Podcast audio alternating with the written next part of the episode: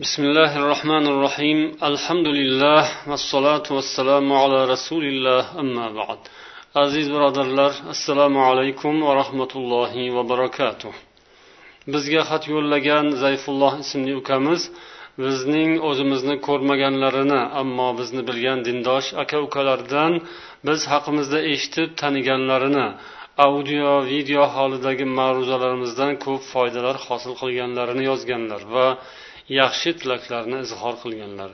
Biz ham zayfulloh birodarimizga bu iliq so'zlari uchun tashakkurlarimizni bildiramiz. U kishi so'raydilar men hozir chet elda dunyoviy ilmlardan tahsil olayapman. Bu davlatning asosiy aholisi nomusulmon. Men turadigan shaharda masjid yo'q. Masjid bor shahar esa yuz ikki yuz kilometr uzoqda. U yerga borishga talabalik tufayli moddiy imkoniyatim yo'q. Shu holatda farzni tark qilgan bo'lamanmi? Bu haqda shariat ko'rsatmasi qanday deb so'raganlar. Demak bu ukamizning savollaridan shaharda masjid yo'q bo'lsa ana shunday paytda musulmon odam nima qilishi lozim degan savol paydo bo'ladi. Avvalo biz namoz ibodatini nihoyatda muhim amal ekanini eslab o'taylik. Payg'ambarimiz sollallohu alayhi vasallam deganlar imom muslim rivoyat qilgan hadisda. Inson bilan shirk va kufr o'rtasida farq bu namozni tark qilishdir dedilar. Demak musulmon odam uchun har kun besh mahal namozni o'qish farz ayn. Insonning musulmonligi alomatlaridan eng birinchisi eng muhimi mana shu namoz bo'ladi. Inson bilan kufr o'rtasini ajratib turadigan farq namoz deb payg'ambar alayhissalom aytdilar. Bu ibodat nihoyatda muhim ekanligidan ba'zi ulamolar namozni tark qilgan odam qasddan tark qilgan odamni kofir bo'lishini ham aytganlar. Iloji boricha namozni tark qilmasdan o'z vaqtida o'qimoq lozim. Endi namozni jamoat bilan o'qish masalasiga to'xtaladigan bo'lsak ulamolar bu borada turli xil fikrlarni bildirganlar. Ko'pchilik ulamolar namozni jamoat bilan o'qish farzlardan biri deganlar. Jamoat bilan o'qilmagan namoz nuqsonli bo'lishini aytganlar. Ammo ulamolarning qavllarining sahihi namozni jamoat bilan o'qish sunnati muakkada degan so'zdir. Jamoat bilan o'qishga inson harakat qilmog'i lozim. Uzrsiz jamoatga bormasa albatta gunohkor bo'ladi. O'zi yolg'iz o'qisa namozi durust bo'ladi. Ammo jamoatga chiqmagani uchun jamoatga borishga imkoniyati bo'la turib bormasa gunohkor bo'ladi.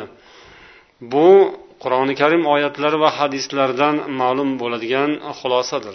Alloh taolo niso surasining bir yuz ikkinchi oyatida xavfu xatar paytda urush paytida namozni qanday o'qish kerakligini ko'rsatgan. Bu yerda xavf namozi tartiblari bayon qilingan ya'ni urush ketayotgan paytda ham olloh rasululloh sollallohu alayhi vasallamga namozni jamoat bilan o'qishni buyurgan va qanday o'qish tartiblarini o'rgatgan.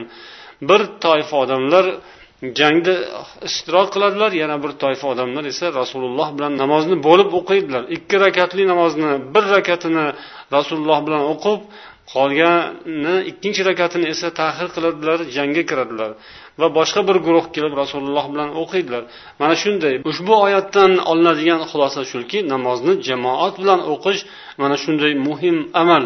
Urush paytida jang ketayotgan o'q yomg'ir yog'ilib turgan paytda namozni har kim o'zini turgan joyda ilojini qilib imkoni boricha o'zi bir amallab o'qib olaversin deyilmadi balki jamoat bilan o'qishga buyurildi. Shunday ekan tinchlik zamonida jamoatni tark qilish mumkin emas deydilar ulamolar.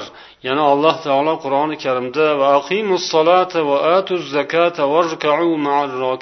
degan namozni barpo qilingiz zakotni ado etingiz ruku qiluvchilar bilan birga ruku qilingiz degan baqara surasida.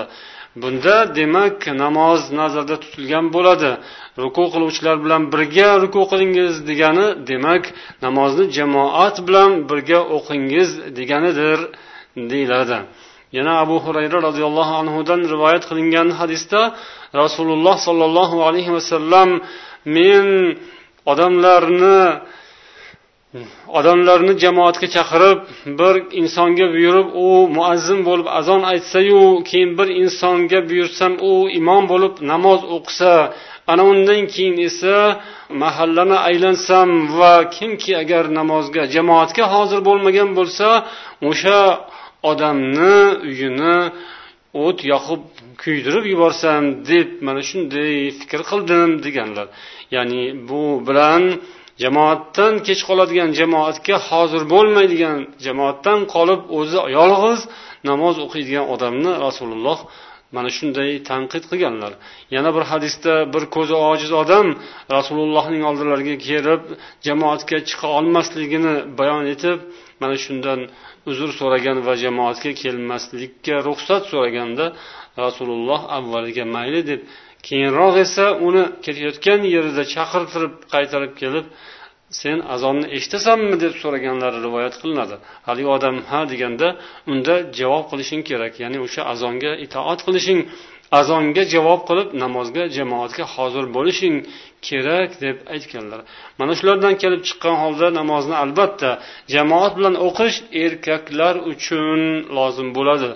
Jamoatga hozir bo'lish balog'atga yetgan hur ozod erkak sog'lom kishilar uchun ko'rsatilgan. Ammo ayollar uchun esa jamoatga hozir bo'lish shart qilinmaydi. Agar ayollar ham masjidda joy bo'lib imkoniyat yaratilgan bo'lsayu jamoatda hozir bo'lsalar ular ham bu imkoniyatdan foydalanishlari mumkin. Ammo jamoatga hozir bo'lmaslik ayollar uchun qizlar uchun va yosh bolalar uchun gunoh bo'lmaydi. Bu asosan balog'atga yetgan erkaklar uchun. Endi savolda so'ralgan holatga nazar solsak ya'ni mana shu ukamiz zayfulloh istiqomat qilayotgan shaharda masjid yo'q deyilyapti. Masjid bor shahar yuz ikki yuz kilometr uzoqlikda. Demak bu bunday holatda jamoat mavjud bo'lmagan ekan unga chiqish demak o'z uz o'zidan bu mas'uliyat soqit bo'ladi. Biroq boshqa masala bor bu yerda. Agar o'sha shaharda namoz o'qiydigan musulmonlar bo'lsalar bu kishidan tashqari ya'ni zayfullohdan tashqari yana boshqa namozxonlar bo'lsalaru ular namozni jamoat bilan o'qishni harakatini qilishmasa hammalari gunohkor bo'ladilar. Inson birga yashayotgan namozxonlar bilan aloqa qilishi ular bilan bordi keldi salom alik qilishi va namozni birga jamoat bilan o'qishi lozim. Ana shunday qilib musulmonlar bir birlari bir birlari bilan tanishadilar bordi keldi qiladilar do'stlik aloqalarini mustahkamlaydilar va jamoat paydo qiladilar. Namozni xoh bir birlarini uylarida bo'lsin xoh biror bir joyni masjid deb tanlashlari mumkin. Nima qilib bo'lsa ham qanday holatda bo'lsa ham shaharda boshqa musulmonlar bo'lsalar o'shalar bilan birga jamoatni barpo qilish lozim. Ana o'sha yerda besh mahal namozni imkonlari boricha vaqtlari to'g'ri kelsa ya'ni o'qishdan ishdan qaytgan paytlarida o'sha mahallada uylarini atrofida yoki o'zlarining uylarida jamoat hosil qilishlari kerak. Ammo o'qish ish joyida bo'lsa u yerda ham namoz o'qiydigan insonlar namoz paytida bir joyni tanlab o'sha yerda jamoat bo'lib namoz o'qishlari lozim bo'ladi. Endi nomusulmonlar mamlakatida bo'lsada o'sha yerlarning ham qonunlari masjid tashkil qilish namozxona barpo qilish va namozni jamoat bilan o'qishga qarshilik qilmaydi. Bunday monelik yo'q alhamdulillah. Demak bor imkoniyatdan foydalanish kerak. Jamoat bilan namoz o'qish uchun o'zlariga o'zlari sharoit hosil qilishlari kerak. Biror bir xonani namoz o'qiydigan qilib o'zlari tayyorlashlari ana o'shani o'sha yerdagi mas'ullar bilan kelishgan holda o'zlarining sharoitlarini o'zlari chiroyli qilib olishlari lozim. Ana shunday sharoitga erishganlaridan keyin o'sha yerda juma kuni juma namozini ham o'qiydilar. Xohlasalar boshqa shaharga borib ishtirok qilishlari mumkin. Ammo uzoqdagi shaharlarga borib juma o'qib kelish lozim deb aytilmaydi. Illo har bir inson o'zining turgan shahrida juma o'qiydigan sharoitni ham o'zi barpo qilishi lozim bo'ladi. Alloh barchamizni haq yo'lda mustahkam yurishimizni nasib etsin. Assalomu alaykum va rahmatullohi va barakatuh.